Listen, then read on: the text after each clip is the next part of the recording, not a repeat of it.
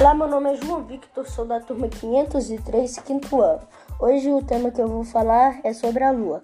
A Lua é um satélite natural do planeta Terra. Ela é o único corpo celeste a receber seres humanos.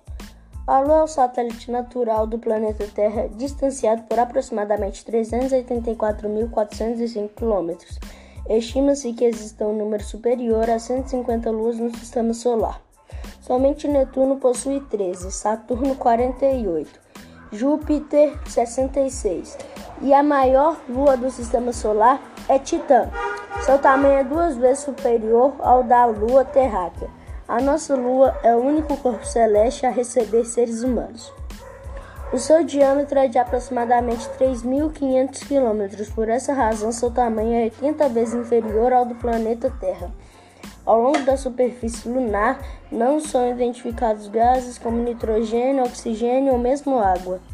Esse corpo celeste é visto da Terra e exibe várias fases, mesmo assim expõe sempre a mesma face. O tempo gasto para a realização do movimento de rotação é o mesmo para o de translação no movimento de rotação. A Lua gira em torno de si mesma, sendo necessário 27 dias e 7 horas. Tempo igualmente gasto para o movimento de translação deslocamento em torno do Sol.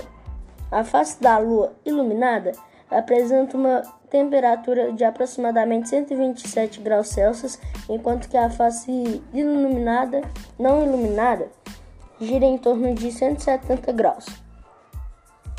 Ao contrário do planeta Terra, a Lua não possui atmosfera.